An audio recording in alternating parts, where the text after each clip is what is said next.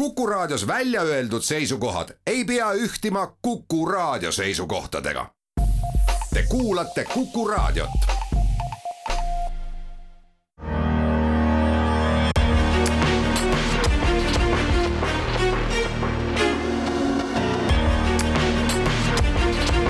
välismääraja tere sel lumisel pühapäeva keskhommikul, mina olen Neeme Raud. tänases saates mitu teemat Eesti hääl ja seisukohad Brüsselis Euroopa Liidu ühistel aruteludel. mitmel pool rahvusvahelises meedias kirjutati just sel nädalal, et praegu käimasolevates kõnelustes Vene naftale hinnalae siis seadmiseks on Eesti olnud nähtav oma konkreetsete seisukohtade poolest ja andnud mõista, et võib hinnalae lepingu vastu olla, kui praegu G7 poolt Euroopa Liidule soovitatud kõrget kuuekümne viie kuni seitsmekümne dollarist hinnalage ei alandata. mis Brüsselis läbirääkimiste laua siis, laua taga siis toimub, nende kinniste uste taha viib meid mõne hetke pärast Eesti suursaadik Euroopa Liidus Aivo Orav ja siin otsestuudios on täna kaks külalist, välispoliitika ja kaitsepoliitikaga tegeleb praegu E-riigi Akadeemias Merle Maigre, tere hommikust! tere hommikust! ja Riigikogu liige Eesti välispoliitika kujundamisel sageli väga olulist rolli mängiv Riigikogu äh, väliskomisjoni endine esimees ja nüüdne liige Marko Mihkelson, tere! tere päevast! Tahame rääkida siin vestluses teiega, Merle ja Marko, ka sellest, et äh, Eestis on juba poolteist aastat tegutsenud Välissuhete Nõukoda, te olete mõlemad selle juhtkonnas ja selle eesmärk on välispoliitika teemade laiemale avalikkusele lahti seletamine. Ja küsin ka seda, kui palju teie arvates Eesti nii-öelda reakodanik välispoliitika vastu huvi tunneb. kas see, et oleme maailmas sellises üsna ohtlikus kohas, paneb eestlasi enam välispoliitikale tähelepanu pöörama, me vähemalt arvame nii. aga see küsimus veel pisut ootab. kõigepealt siirdume jutuga Brüsselisse, kus kestavad Euroopa Liidu läbirääkimised Vene naftale hinnalae seadmise üle. seni ei ole suudetud selles kokku leppida. küsisin Eesti suursaadikult Aivo Oravalt, kas läbirääkimised on takerdunud ja kui, siis miks? Ma ei ütleks nüüd, et nad takerdunud on, et see on loomulik osa läbirääkimiste protsessist eh, siin Brüsselis. et eks inimesed üldjuhul kujutavad ju ette, et istuvad siis kahekümne seitsme riigi saadikud või ministrid laua taga ja loobivad oma argumente, katsuvad teisel pool lauda eh, teist poolt veenda, aga see antud hetkel siis toimus niimoodi või sel korral eelmise nädala keskel G7 otsustas lõpuks ära selle numbrilise hinnalae. eelnevalt oli kokku lepitud, on kokku lepitud kõik need mehhanismid, kuidas seda hinnalage rakendada, lihtsalt number puudus. seda võiks võrrelda natukene selle Eesti elektri universaalteenusega, et kõigepealt pandi mehhanism paika ja siis lõpuks tuli alles hind. ja nüüd see hind tuli, mis on G7 poolt välja pakutud, aga see ei saa nagu niimoodi toimuda, et G7 pakub välja ja siis Euroopa Liidu kakskümmend seitse selle siis automaatselt nagu vastu võtavad. et kõikidel riikidel ju on omad huvid, omad soovid, mis suunas nad liikuda tahavad, kuigi võib-olla eelmisel kolmapäeval oli ootus, et õhtuks saab see hind paika, siis paraku selgus, et need, need vaated on ikkagi liikmesriikidel väga erinevad mindi laiali, mis tähendab siis seda, et läbirääkimised kuskil ei peatunud, aga läbirääkimised käivad siis otseselt nendega, kellel siis mingid mured on mis hinnast me räägime? noh, lauale pandi ettepanek kuuskümmend viis dollarit, Eesti on sellega avalikult välja öelnud, et see on päevselgelt liialt kõrge, et me kindlasti tahaksime siit allapoole tulla. mis siis Eesti argument on, miks see hind on kõrge? selle hinnalae kehtestamise eesmärk on ju vähendada Venemaa naftatulusid nii palju kui võimalik. ja meie hinnangul, meie analüüside põhjal Venemaal nafta tootmiseks kulub maksimaalselt kakskümmend viis dollarit barrelist, ehk siis kahekümne kuues dollar on juba kasum. loomulikult tuleb selle hinnalaega nüüd arvestada ka mitte ainult Venemaad, aga kõiki teisi naftatootjaid maailmas ja teistel on see tootmine oluliselt kallim, nii et me selle oma hinnalaega ei saa tekitada ülemaailmselt sellist olukorda, et kuskil mujal läheksid naftatootjad pankrotti. nii et see kindlasti on kõrgem kui see kakskümmend kuus, seitse, kaheksa aga kindlasti meie vaates peaks ta olema väiksem kui kuuskümmend viis.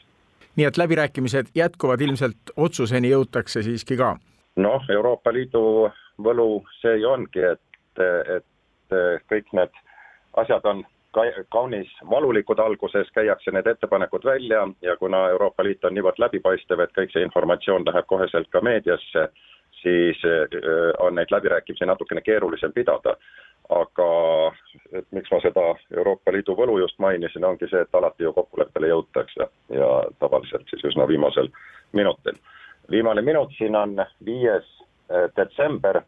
et ma läheksin tagasi juunisse nüüd juunis Euroopa Liit otsustas ju sanktsioneerida meritsi Venemaalt väljaviidava nafta. ehk siis merd mööda alates viiendast detsembrist enam Euroopa Liidu, Euroopa Liitu toornaftat tuua ei saa ja viiendast veebruarist rafineeritud naftatooteid. nüüd eh, sellest tulenevalt ongi nüüd vaja ka seda hinnalage, et Euroopa Liitu seda naftat viiendast eh, detsembrist alates nagunii ei tule,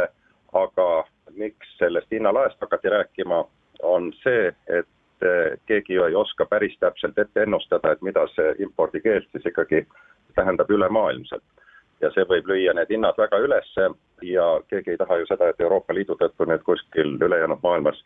need hinnad on niivõrd kallid, et ei suudeta naftat osta ja seepärast ongi see diskussioon ja need läbirääkimised tekkinud hinnalae osas. ehk siis hinnalagi panna lisaks neile Euroopa Liidu sanktsioonidele et oleks ka ülejäänud maailmal võimalik normaalse hinnaga seda naftat osta ja teiselt poolt siis need Venemaa naftatulud nii alla lüüa kui vähegi võimalik, et see sõda võimalikult kiiresti lõpeks. Aivo Orav, kui palju teie tööst Brüsselis praegu puudutab otseselt Ukraina sõda, Venemaa vastaseid sanktsioone, Ukraina abistamist? see alates eelmisest aastast, ma ei saa öelda mitte kahekümne neljandast veebruarist, aga see töö Ukraina osas algas ju sellest hetkest, kui tuli informatsioon, et Venemaa plaanib Ukrainat rünnata, nii et praktiliselt aasta otsa on see põhiline teema olnud. ja ei lähe nagu päevagi nüüd, alates siis kahekümne neljandast veebruarist, kui, kui need teemad on laual. et kõigepealt siis sanktsioonid, seejärel siis Ukraina aitamine, nii palju kui vähegi võimalik, rahaliselt, relvadega, mis on ju muutnud seda Euroopa Liidu kuvandit tohutult kui aasta tagasi oleks keegi rääkinud sellest, et Euroopa Liit hakkab tarnima relvasid sõjas olevale riigile, siis seda juttu poleks keegi tõsiselt võtnud. aga praegu Euroopa Liit seda teeb. ja loomulikult raha, sest alati ju mm, kui liikmesriikidel probleem tekib, siis pöördutakse Euroopa Komisjoni poole, sest tundub, et Euroopa Komisjoni taskud on põhjatud ja sealt igal juhul mingi raha leitakse, kuskilt tõstetakse midagi ringi ja, ja nii see peaks käima. aga nüüd muidugi on olukord selles, et seda raha on niivõrd palju vaja, on vaja relvadele, on vaja äh, põgenikega tegelemiseks, on vaja Ukraina abistamiseks, need on väga-väga keerulised teemad. siin ma mainiksin seda kaheksateistkümne, kümmet miljardit, mis Euroopa Komisjon on pakkunud välja, et järgmiseks aastaks Ukraina abistamiseks anda. põhimõtteliselt on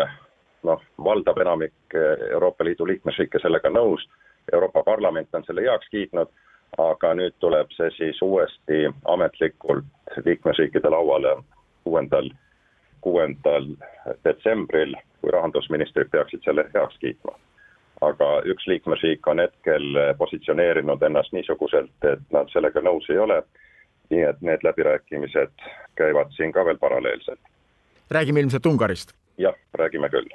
kõik on kõigega seotud, nii see relvaabi, sanktsioonid, sanktsioonide pikendamine, sest peatselt tuleb jällegi lauale sanktsioonide pikendamine.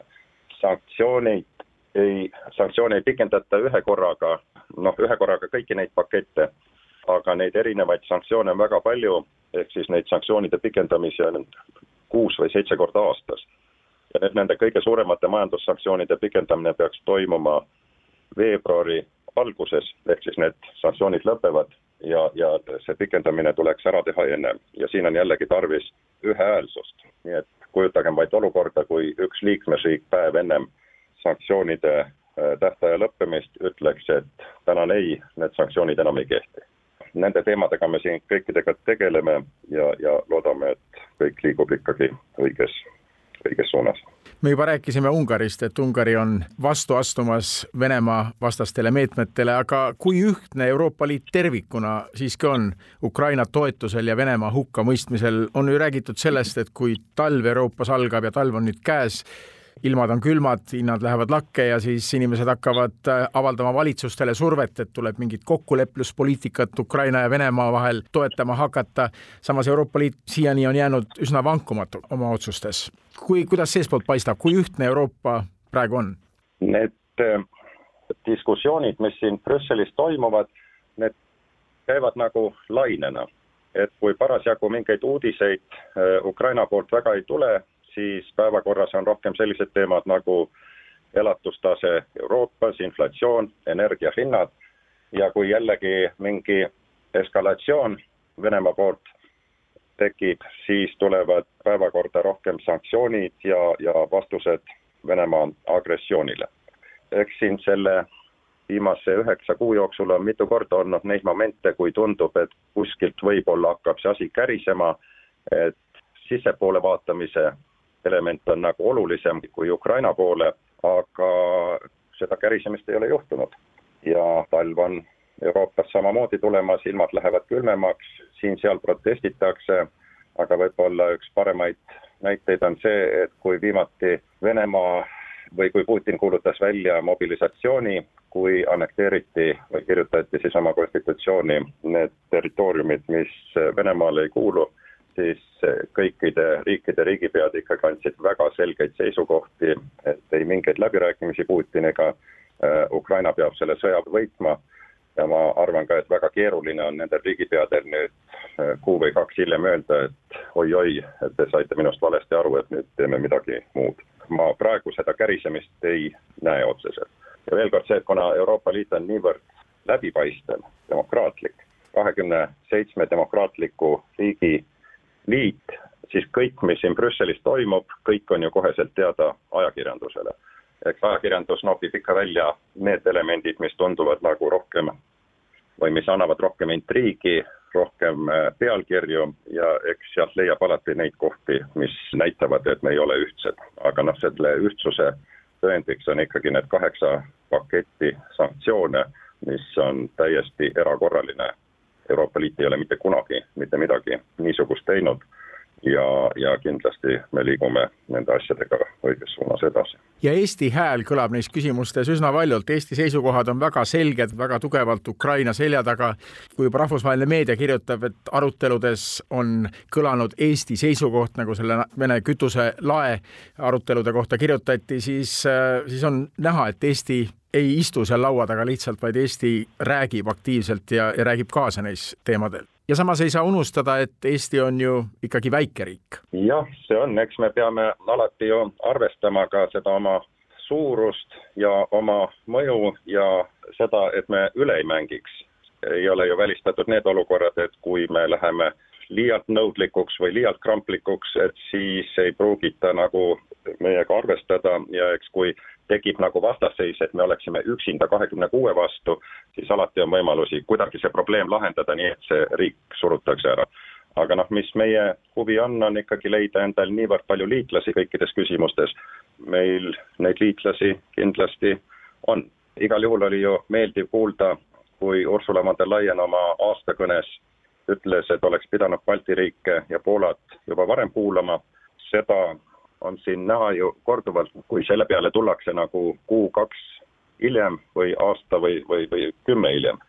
aga on olnud siin näiteid, kus tõepoolest meie hääl on kõlanud ja see asi on ka praktiliselt ära tehtud ja siin ma räägiksin nendest viisapiirangutest ja piiri osalisest sulgemisest, mis toimus augustis-septembris. kaks päeva enne mobilisatsiooni väljakuulutamist oli Eesti piir praktiliselt kinni. muidugi oli siin Euroopas hääli, et kõik need, kes mobilisatsiooni eest põgenevad, et neid peaks kohtlema võib-olla väga vastutulelikult, mõned kippusid isegi võrdlema neid põgenejaid äh, tsiviilühiskonna esindajate või, või opositsiooniga, aga mis me siis saavutasime, oli see, et Euroopa Komisjon tuli välja oma viisajuhisega, mis oli ikkagi väga piirav, öeldes, et ei ole see seltskond otseselt teretulnud Euroopasse. loomulikult on erandeid, kui on mingid humanitaarkaalutlused ja kõik muud, aga et ei peaks lihtsalt uisapäisa viisasid välja andma. ja see on nagu üks näide, kus tõepoolest siis Eesti hääl kõlas ja praktiliselt tehti ka niimoodi, nagu, nagu me üritasime seda läbi suruda või teisi veenda Eesti suursaadik Euroopa Liidus Aivo Orav rääkis, kui välismääraja jätkub stuudiovestlus Merle Maigre ja Marko Mihkelsoniga ja alustamegi küsimusest, kuidas Eesti peab siis Brüsselis ja ka mujal maailmas oma positsioone kalibreerima, et mõjukas olla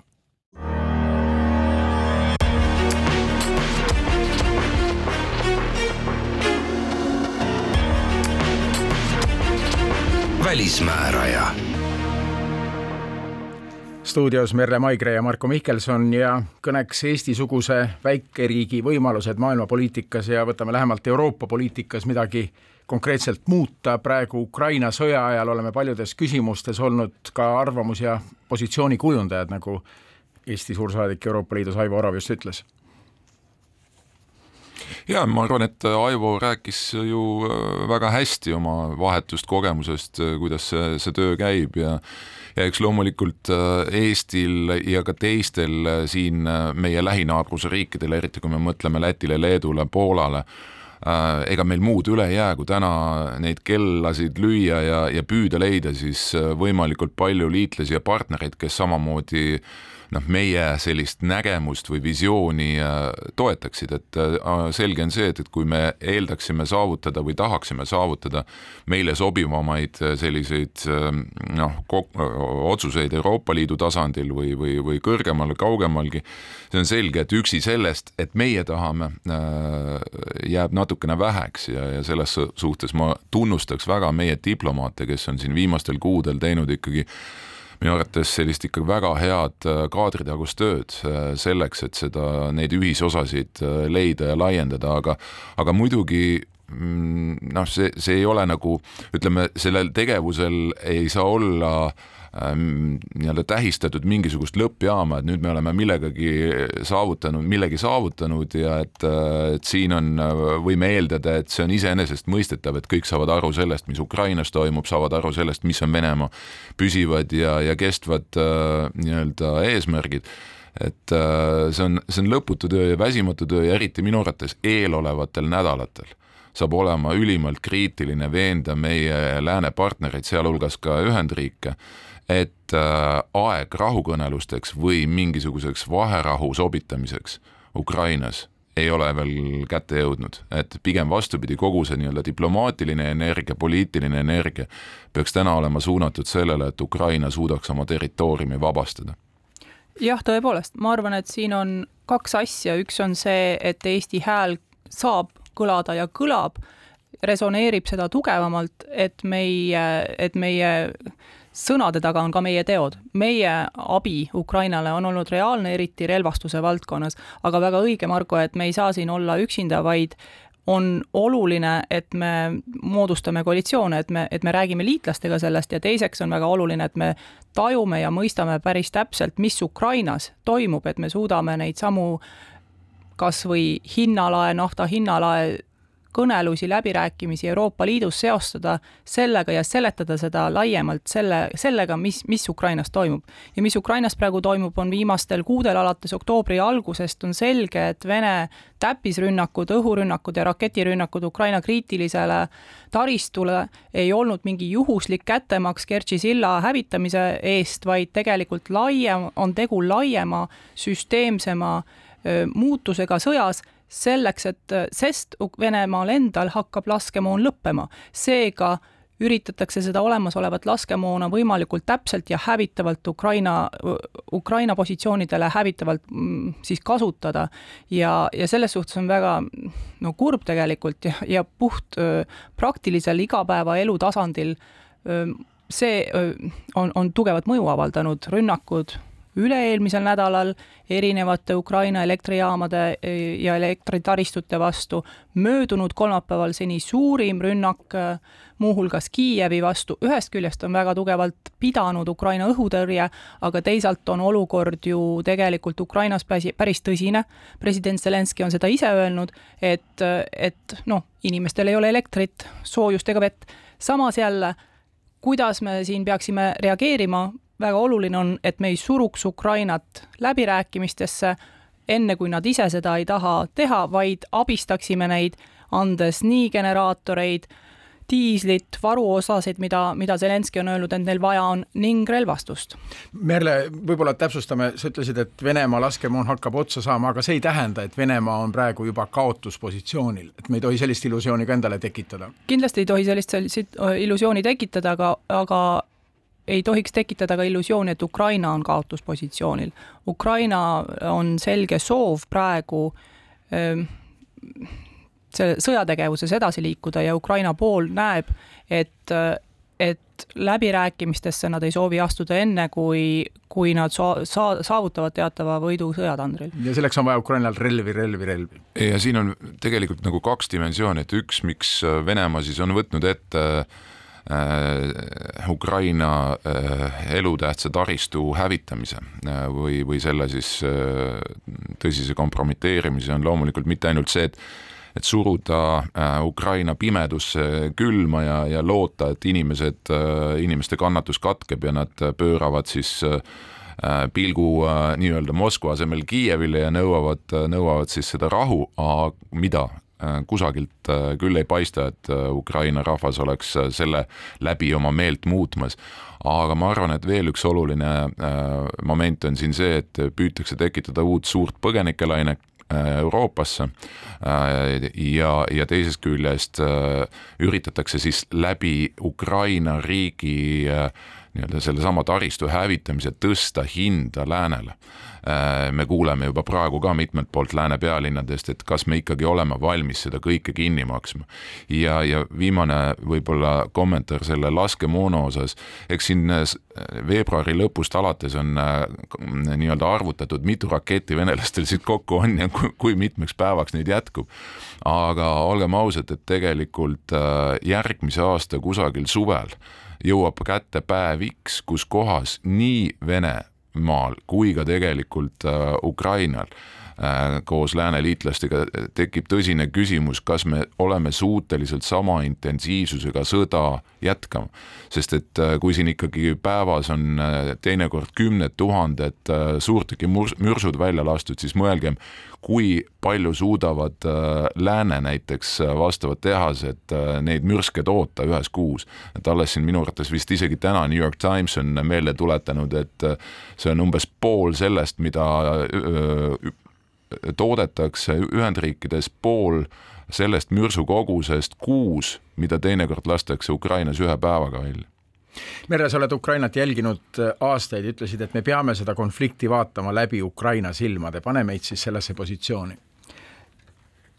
no, antud hetk nende silmi läbi? jaa, selles suhtes, et, et absoluutselt, ma arvan, see on, see on õige ja selles suhtes ei maksa nagu silmi kinni pigistada. põgenikelaine ja, ja tõenäosus, et põgenikud on, tõenäosus, et põgenikelaine Mm, Euroopasse, Moldovasse, Poolasse ja kaugemale Euroopasse talvega suureneb, on täiesti olemas ja sõja hind on suur, kas või näiteks Hersonist praegu on Ukraina enda võimud julgustanud inimesi evakueeruma, sest nad on öelnud, et et seal linnas ei ole inimestel hea elada, linn on lakkamatu suurtükitule all ja seal ei, küll püütakse mm, sooja ja elektrit ja vett taastada, aga, aga ennekõike, aga see ei lähe kiiresti. nii et, et noh, Ukraina võimud ise on öelnud, et Hersoni elanikud peaksid, kui nad saavad sealt, sealt evakueeruma, pakkudes neile tasuta rongi, siis rongiga sealt ärasõitmist, ärasõitmise võimalust. sõja hind on, on suur ja täpselt see, mis sa, Marko, välja tõid, on tekkinud küsimus, kas ja kui palju suudab lääne sõjatööstus näiteks äh, laskemoona üldse toota, äh, arvestades seda kiirust, mil-, millega seda moona Ukrainas välja tulistatakse, rääkimata siis sellest, kui palju see maksma läheb, et seda Ukrainale pakkuda, lisaks loomulikult suureneb hind, selle Ukraina vastupidamise hind selle võrra, kuivõrd neil on vaja lisaks siis äh, relvastusele praeguse seisuga ka väga, väga suures koguses selliseid asju nagu generaatorid, äh, nagu Zelenskõi ütles, elektrotrahvode varuosi, ega ma ausalt öeldes ise ka täpselt ei tea, mis asi see on, aga noh, selge on see, et, et kõigil kriitilise infrastruktuuri ülesehitamiseks teavet ja ennekõike raha ja, ja, ja, ja nii diislit kui ka gaasi selleks, et äh, elektrijaamu jõus hoida Kiievil täna vist, ma arvan, ühel kolmandikul elanikkonnast näiteks kas või pealinnas ei ole, ei ole vett, ei ole elektrit, aga aga noh, samas jälle Ukraina poolt pingutab, et seda taastada ma lugesin kuskilt artiklit, et ka sellist elementaarset asja nagu klaas on vaja, lihtsalt aknad on purunenud ja esimene kaitse külma eest on ju aken, nii et on siin tekkinud humanitaarliikumine Euroopas, et, et klaasi saata Ukrainasse. ja, ja ma ennekõike kujutan ette, et, et väga suur puudus on nendest töömeestest, kes paigutavad sedasama klaasi või ka elektrikutest, kes äh, saaksid neid suuri generaatoreid ühendada, puht, puht, puht see, see teave või selles valdkonnas, ma kujutan ette, on Ukrainas suur-suur puudus praegu Marko, su jutust ma kuulsin seda nooti, et ikkagi on kuskil käimas arutelud, et võib-olla on läbirääkimiste tee see kõige õigem, ma olen küsinud siin juba nädalaid paljudelt ekspertidelt, et kas need jutud käivad ja ikka on eitatud, et, et mingisugust kokkuleplust soovitakse lääne liitluse sees, aga, aga need jutud ei vaibu ja kuuldavasti ikkagi arutatakse seda, lugesin, et Ühendriikide presidendi rahvusliku julgeoleku nõunik Jake Sullivan on seda ideed arutanud siin väga mitmetes pealinnades, et kui sõda kestab kaua, ehk siiski on see läbirääkimiste variant laual. Sa nüüd liigud väga palju diplomaatilistes ringkondades rahvusvaheliselt ringi, räägitakse sellest omavahel? ma arvan, et äh, põhiline probleem on see, et äh, puudub arusaam äh, liitlaste vahel ja ka suuremates pealinnades selline konsolideeritud ühtne arusaam, mida tähendab see, kui öeldakse välja, et selles sõjas Venemaa ei tohi võita, et selle sõja peab võitma Ukraina. seni puudub see? Si-, absoluutselt. Ja, ja miks see puudub, siis see küsimus on ju selles, et äh, ukrainlased on väga selgelt välja öelnud presidendi tasandilt, mis on nende võidu definitsioon. Nende võidu definitsioon on, et Ukraina on äh, vaba äh,, vabastanud kõik äh, okupeeritud alad, kaasa arvatud Krimmi. Äh, ehk siis taastab territoriaalse terviklikkuse rahvusvaheliselt tunnustatud piirides üheksakümne esimesest aastast nüüd küsimus, mis siit tõusetub ja mis paneb ilmselt mõtlema nii sedasama Jake Sullivani kui mitmeid teisi äh, Euroopas, on see, mida see võib teha Venemaaga, milline võib olla sealt äh, nii-öelda reaktsioon, eskalatsioon, võib-olla ka Venemaas sisemiselt äh, toimuvad arengud. Mida võib see, milleni võib see viia näiteks tuumarelvastuse kontrolli Äh, kontekstis ja ma ei räägi üldse siin, et kas Venemaa võib kasutada tuumarelva või mitte, eks ju, siiani oleme me kõik aru saanud, et see on ikkagi pigem bluff Äh, kui, äh, kui tõsine oht, aga, aga noh, see on võrreldav nagu selle üheksakümne esimese aasta olukorraga, kus, kus justkui oli kõigile arusaadav, et Nõukogude Liit enam sellisena koos ei püsi ja ikkagi Ühendriigid viimasel hetkel veel, esimesel augustil tuhat üheksasada üheksakümmend üks, president Bush pidas Kiievis kõne ja ütles ukrainlastele, et ärge raputage seda paati, et iseseisvus ja, ja vabadus ei ole võrdelised, et, et mul on natukene nagu tunne, et siin on kindlasti see teema mängus, teiseks see, et, et äh, saadakse aru, et see hind muutub iga päevaga äh, nii palju kõrgemaks, et kas seda suudetakse omaenda inimestele lahti seletada. Suure inflatsiooni, tõusvate energiahindade äh, ja, ja muu sellega seonduva kontekstis ka vajadusega tõsta kaitsekulutusi, suunata rohkem raha sellesse samasse kaitsetööstusse ja nii edasi. ja siis tuleb tagasi see põhiküsimuse juurde, kas meil on täna lääneriikide juhtkonnas need liidrid, kes tajuvad, millise magnituudiga sõda meil käimas on. või nad arvavad, et tegemist on ikkagi pigem sellise noh, nii-öelda regiooni jääva konfliktiga, millega peaksid ennekõike eurooplased ise tegelema ja siis võib-olla kuidagiviisi ikkagi ära sättima selle, et äh, kuidas see Venemaa maha rahustada, isegi siin üleeile ühel äh, Londoni lähistel toimuval konverentsil üks Briti diplomaat esitas sellise noh, retoorilise küsimuse, et, et kuidas me ikkagi nagu näeme, et kuidas Venemaad kaasata uue Euroopa julgeolekuarhitektuuri loomisse. ja minu arvates see juba küsimus iseenesest on äh, väär, väära eeldusega, et äh, sellist Venemaad, kes ohustab ja tahab lõhkuda sedasama rahule orienteeritud julgearhitektuuri, ei ole võimalik lihtsalt äh, kaasata, vastasel juhul me lõhume ise selle arhitektuuri. õige küsimus oleks, mida me täna saame veel teha, et Ukraina võidaks selles sõjas ja no mulle tundubki siin lihtsalt sinu, reageerides sinu vahendatud muljetele ja tulles tagasi selle esimese küsimuse juurde, siis ma usun, et me eestlastena ei tohiks väsida jätkuvalt selgitamisest, selgitamisest sellest, kuidas me näeme Venemaad ja selgitamisest sellest, mida me kuuleme vahetutest äh, allikatest Ukrainas, et meil, meile on iseomane tegelikult kultuuriliselt tavaliselt öelda asju ükskord ja siis noh, eeldame, et noh, sai juba öeldud ju, mis siis, mis siin ikka, aga, aga seda me peame jätkuvalt ja jätkuvalt tegema selleks, et tõesti see arusaam jõuaks igasuguse sinu poolt, Marko, mainitud äh, Briti, Briti analüütikuni. näiteks vahepeal käidi välja mõte, et Ukraina võiks kuuluda ka NATO-sse või NATO peaks Ukrainale pöörama suuremat tähelepanu, see idee kadus väga kiiresti laualt, tundub, ja üks teooria on, et Ameerika Ühendriigid teatasid mitteametlikult kohe, et ei, ei, seda teemat me ei hakka isegi arutama no olgem ausad, et loomulikult äh, see, kui äh, president Zelenskõi äh, tuli välja soovi ja, ja konkreetse siis avaldusega, et võtta Ukraina vastu NATO liikmeks, siis nii mõneski pealinnas, kaasa arvatud ka Washingtonis, oldi selle peale väga ärritunud, et miks nüüd see teema tõstatada ja, ja meie ka... suhtusime sellesse väga tõsiselt. minu arvates olgem nüüd siin väga selged ja ausad, et vot see on küll koht, kus kohas Eesti peaks väga selgelt ütlema nii oma Ameerika liitlastele kui, kui ka Lääne-Euroopa liitlastele, sõbrad, kui te tahate rahu ja stabiilsust taastada Euroopas, on ainukene võimalus vaba vaba Ukraina kiire liitmine NATO-ga. see on ainukene reaalne julgeoleku garantii, mis töötab, ükski teine kokkulepe Ukraina tuleviku üle, mis peaks justkui tagama nende julgeolekut, lihtsalt ei tööta, me mäletame kõik, mida suured tuumariigid tegid üheksakümne neljandal aastal Budapesti memorandumiga, äh, kus öeldi, et ja millesse oli kaasatud ka Venemaa, et äh, siis kaitstakse te, Ukraina territoriaalset terviklikkust või austatakse seda, kus me oleme täna, nii et, et vot see on küll koht, kus kohas äh, nii nagu kaheksa aastat me järjekindlalt töötasime selle nimel, et Euroopa partnerid saaksid aru, et Ukraina koht võib olla Euroopas et neil on olemas Euroopa Liiduga ühinemise perspektiiv, kui nad täidavad vastavad kriteeriumid. kaheksa aastat läks selleni ja kahjuks ka kahekümne neljas veebruar ja sõja laienemine äh, siis äh, oli selle hinnaks, et selleks lõpust aru saadakse. sama on tegelikult NATO-ga. tuletame meelde, kaks tuhat kaheksa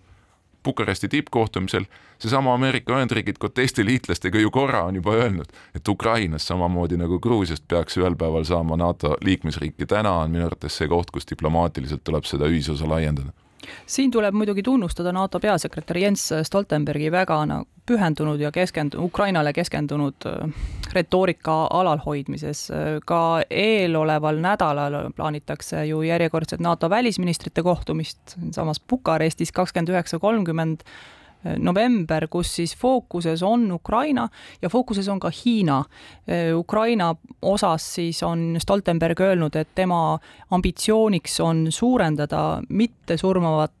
varustuse tarnimist Ukrainasse, kutsuda üles liikmesriike seda tegema, nagu näiteks elektrigeneraatorid, talv, talverõivastus Äh, kütus, meditsiinitarved, äh, droonide segajad, mida on juba NATO kaudu ka seda, äh, ka tarnitud. ja, ja selles suhtes on, on, ma arvan, oluline siin meeles pidada, et tegelikult rääkides hästi palju Eestis Venemaast, on sellega tihedalt ka seotud, seotud ka Hiina ja ma arvan, et on hea, et NATO hoiab seda, seda ka päevakorras. Hiina ja Venemaa teevad tihedat ka koostööd, sealhulgas kaitsevaldkonnas. Hiina püüab jätkuvalt kontrollida Euroopa kriitilist infrastruktuuri, nägime seda 5G kõnelustes selles suhtes on ka see muuhulgas põhjuseks, miks Stoltenberg Hiina teemaks võtab. ja no kindlasti seal on mängus ju see, et Ühendriikide jaoks Hiina on eh, võib-olla vaata et kõige kesksem teema ja siin ma ei välistaks, et Sullivani selline noh, nii-öelda mäng mõttega, et äkki kuidagi võiks äh, leida teid äh, mingitele kõnelustele Ukrainas, on see, et, et ikkagi ühel hetkel saaks Ühendriigid keskenduda oma suurele rivalile, aga ma ikkagi ütleks juurde seda, et et ma näen teatud sellist väsimuse momenti ikkagi praegu meie lääneliitlaste hulgas, jah, kõik need nii-öelda mittesurmava abi andmine on ju väga oluline, aga see ei tohi kuidagiviisi asendada seda, et me täna peaksime äh,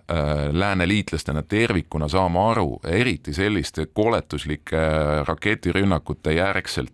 et siin on vaja anda Ukrainale mitte enam seda abi, mida on siiani antud, vaid kvalitatiivselt uut abi, tankid lennukid F kuusteist, A kümme, Leopard tankid, nii edasi. Ja ikkagi me täna veel ei kuule seda, et poliitiliselt ollaks valmis äh, sellist otsust tegema, kaugmaaraketid näiteks, millega oleks võimalik selgelt äh, ka lahinguväljal ukrainlastel suuremat edu saavutada.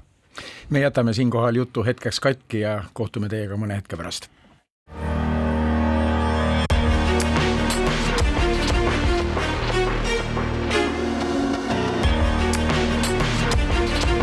välismääraja.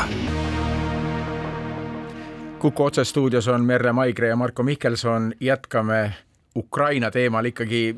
jäi kõlama meie eelmisest äh, saatelõigust mõte, et sõda on kestnud üheksa kuud, aga ikkagi lääne liidrite seas ei ole sellist ük-, ühest arvamust, et Venemaa peab selle sõja kaotama, Ukraina peab võitma. Ikkagi no ei nähta seda pilti nii koletuna, kui see tegelikult on, samas loeme uudistest pidevalt, Merle, et äh, liidrid käivad kohal Kiievis, vaatavad oma silmaga, mis toimub. tõsi ta on, eilegi oli Kiievis, äh, olid Kiievis Leedu, Poola ja Belgia peaministrid ja Ukraina president, Ungari, vabandust, Ungari president kohtusid Zelenski ja teistega. ja fookus eilsel kohtumisel, vähemalt selle järgi, mis rahvusvahelistes uudistes kõlama on jäänud, oli, äh, oli teatud määral ka relvastusest tei-, teisal, teatud määral positiivne, ma usun, et Zelenski, tegemist oli Zelenski humanitaaralgatusega nimega äh, Grain äh, from Ukraine või Teravili Ukrainast, millega siis äh, plaanitakse jõus, jõu, jõulisemalt aidata teravilja ekspordiga Ukrainast selliseid riike nagu Sudaan, Somaalia või Jeemen. Ja, ja arutati seda, algatati see see siis initsiatiiv eile sümboolselt Holodomori ehk näljahäda üheksakümnendal aastapäeval. selle foonis on võib-olla, selle fooniks on võib-olla relevantne mm, mainida, et äh, seitsmeteistkümnendal novembril jõudsid tegelikult Venemaa ja Ukraina taas kokkuleppele äh, pikendada umbes neljaks kuuks äh, turvalist teravilja ekspordikoridori Ukraina sadamatest läbi Musta mere. kuigi Venemaa ütles, et ta päris rahul sellega ei ole, sellepärast et Venemaa näeks, et selle kokkuleppe osana taastub ka nende väetise eksport Zelenski tol hetkel oli väga vastu sellele, öeldes, et äh, väetise eksport saab taastuda peale seda, kui toimub äh, Venemaa poolt äh, sõjavangide väljaandmine. nüüd tegelikult eile toimus ka sõjavangide vahetus, selles suhtes teatud sellisel taktikalisel tasandil läbirääkimised toimub ja ja, ja Zelenski personaliülem teatas, et Ukraina ja Venemaa korraldasid vangide vahetuse ja Venemaa vabastas nii Mariupolist, Tšernobõli elektrijaamast kui ka Mao saarelt vangistatud sõjaväelasi, kaksteist tükki vist jõudsid vabadusse. No ma arvan, et eks iseenesest need uudised on, on teatud mõttes nagu äh, seotud ka sellega, et, äh, et äh, ega Venemaal väga palju muud hetkel üle ei jää, et kui, kui nad siin natukene nagu prüüdsid uksest välja marssida selle teravilja kokkuleppe osas mõned nädalad tagasi, siis teised osapooled, sealhulgas ka Türgi, ütles, et no hea küll, et marsi välja, aga me ikkagi jätkame ja, ja, ja noh, see on,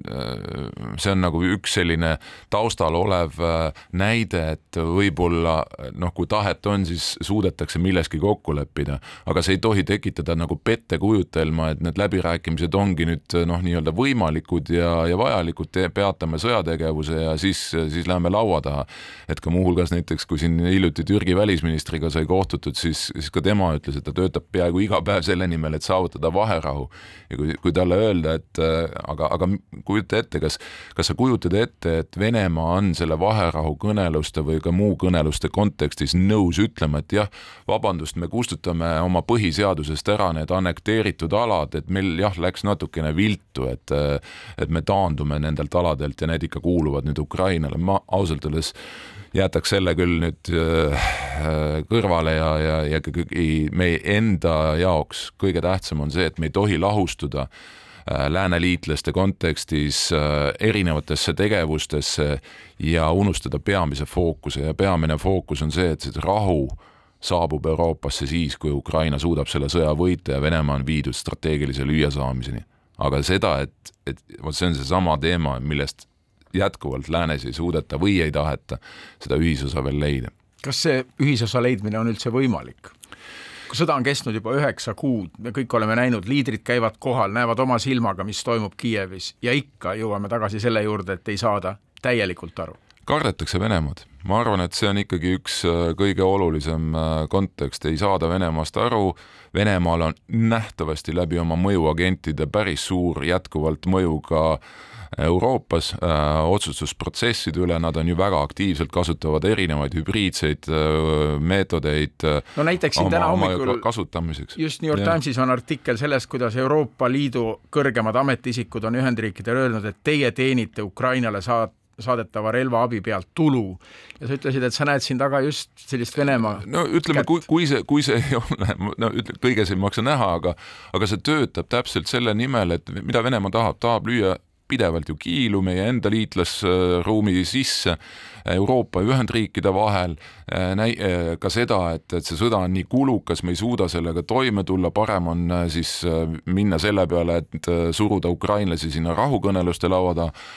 Kogu selle asja juures ma tuletan meelde ühe asja, mäletate veebruaris, veel vahetult enne kahekümne neljandat veebruari Ühendriikide luure ütles, et see sõda on läbi kolme päevaga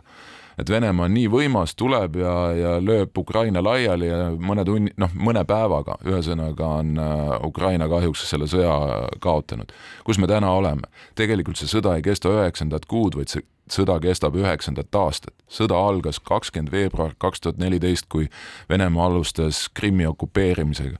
ja, ja, ja just nimelt tänasel päeval on ikka ainult ukrainlased ukrainlased on need, kes otsustavad ära, millal nemad sõja lõpetavad või, või ja mis on nende jaoks see võit. ainukene noh, fakt on see, et ilma lääne abita nad äh, seda võitu ei saavuta ja meil, kellel see pilt Venemaa käitumisest ja Ukrainast on ehk selgem kui läänes, siis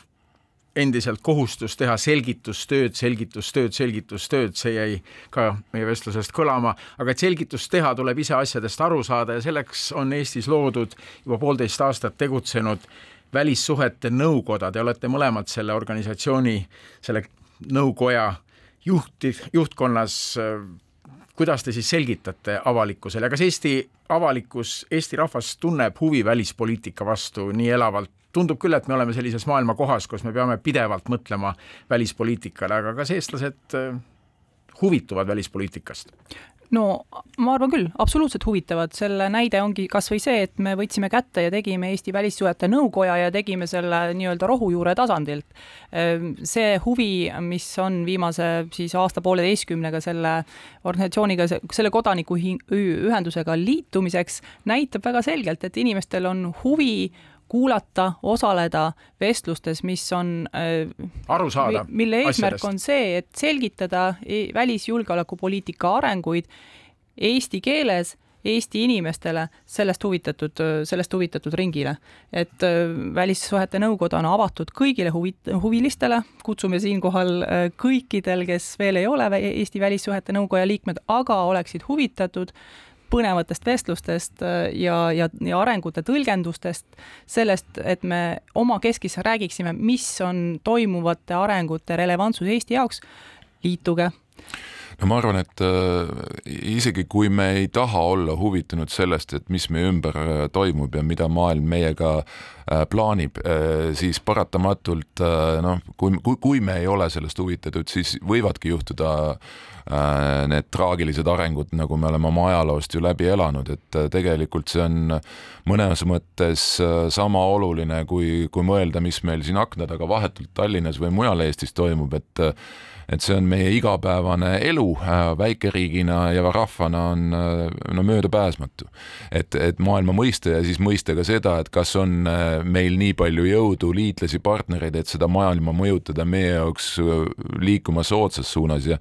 ja Eesti Välissuhete Nõukoja üks eesmärk ongi just sellist laiapindselt väga erinevatest eluvaldkondadest inimesi koondada, kes,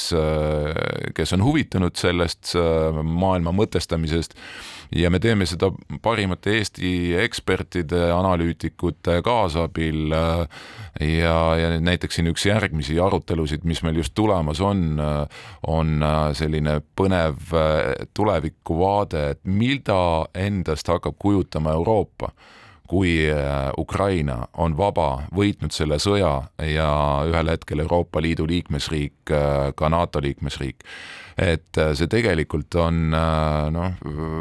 äärmiselt murranguline hetk nii või teisiti ju ka Euroopa ja meie enda ajaloos. Ja, ja sellised arutelud ja sellise, selline nii-öelda kodanikuühendus, nagu meil Eesti Välissuhete Nõukoda on, aitavad kindlasti seda, seda ühisosa meil riigi sees kasvatada juhtisime ka sellele olulisele grupile siis tähelepanu, aga viimane küsimus, Marko, üks asi jäi mulle kõrva. sa ütlesid, et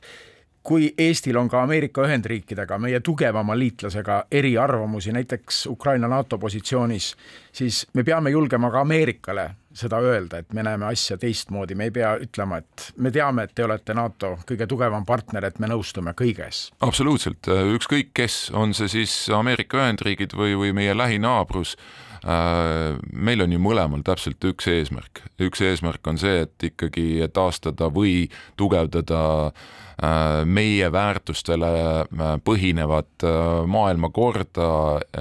ja, ja hoida maailma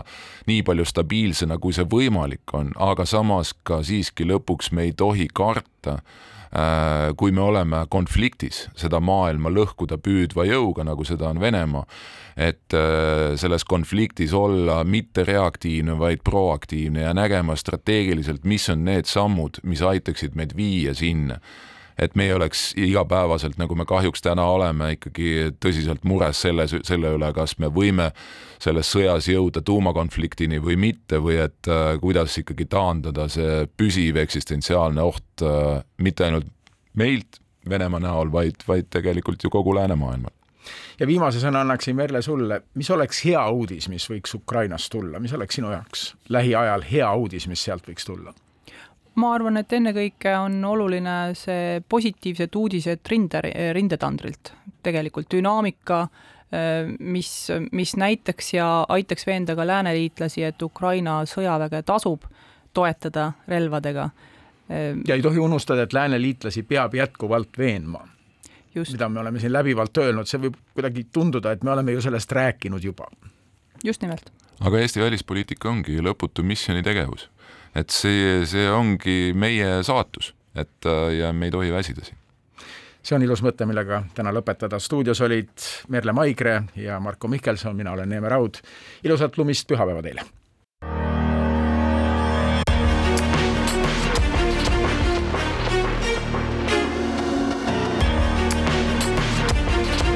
välismääraja